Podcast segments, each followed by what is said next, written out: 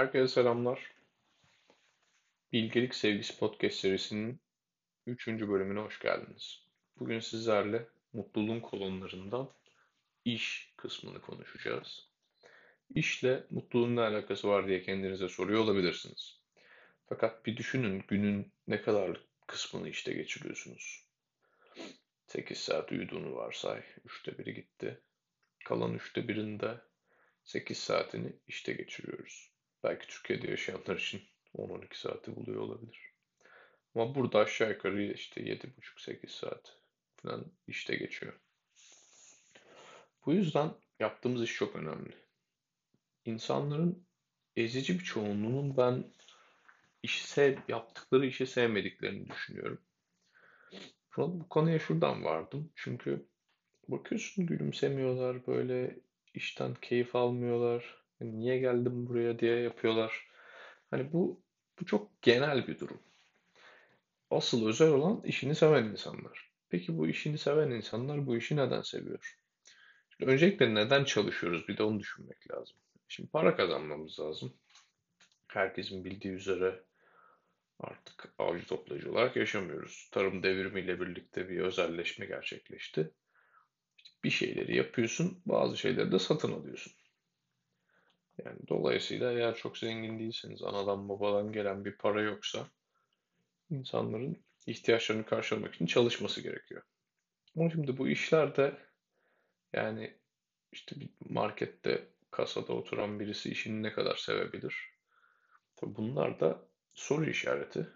Bence de sevemez. Kimse o işi sevmez. Ya da işte ne bileyim yerleri temizleyen adam çok severek yapıyor mudur bunu? Belki böyle bir amacı olabilir. Temiz olsun her taraf. Ben de buna bir katkım olsun. İsteyerek yapıyor olabilir ama daha çok böyle rutin yapılan işlerin sevilmediğini görürüz.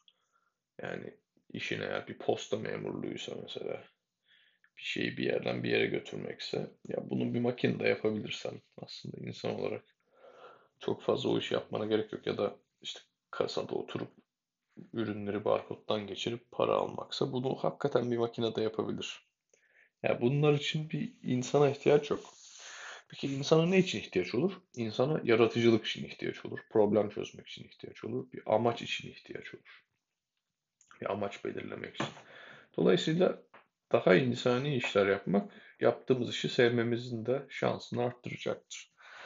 Ya ben birinci sıraya yine de geliri koydum. Yani eğer dediğim gibi yeteri kadar gelirin ya ihtiyaçlarını böyle çalışmadan karşılayacak bir aileden gelmiyorsa yaptığın işin ihtiyaçlarını karşılaması lazım. Yoksa zaten iş tanımının içine girmez. Şimdilik şeyi geçiyorum. Keyfe kadar çalışan insanları geçiyorum.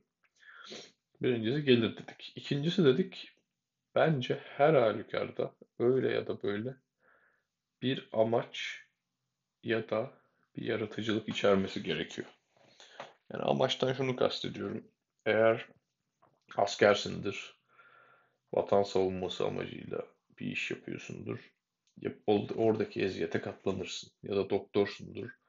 İnsanlara yardım etme motivasyonun vardır. Oradaki zorlu şartlara katlanırsın. Amaçtan kısmın bu, kastım bu. Yani birisi sana ne iş yapıyorsun dediğin ya da ya ben işte dünyayı daha temiz bir hale getirmeye çalışıyorum demenin ya da okyanusları temizliyorum demekle işte nasıl bir örnek verebiliriz diğer türlü işe? Ya bir politikacının kendini değerli hissetmesini sağlıyorum. İşte onu koruyorum demek iki farklı tanımdır. Dolayısıyla amaç yaptığınız işte bir amaç olmalı ve bu iş bu amaca inanmanız lazım. Öbür türlü motivasyonun daha önce de bir önceki bölümde konuşmuştuk. Motivasyonun birinci kaynağı neden sorusudur. İşte neden de burada amaca tekabül ediyor. Bir amacı olması lazım ki bir motivasyonunuz olsun. İkincisi yaratıcılık. Yani daha önce de bahsettik. Çok tek düze makinelerin yapacağı şeyleri yapıyorsanız o işi sevmeniz çok mümkün değildir. Yaratıcı işlerle insanın uğraşması lazım. En azından yaratıcılığın kullanabileceği bir şey olması lazım. Bir diğer madde otonomi. Yani eğer her şey modamot ilerleyecekse senin bu işe yani seni çıkarıp başka birini koysak hiçbir fark olmayacaksa İnsanlar genelde o tür işlerde kendini kıymetsiz hisseder.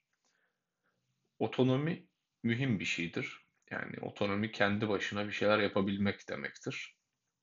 Otomatik olmaması aslında bir şeylerin. Yani otonomiye sahip olmak önemli. Beşinci madde benim düşünceme göre uzmanlaşabilme. Bir şeyi yaptıkça daha iyi hale gelebiliyor musun? Diyelim bir veri analistisin.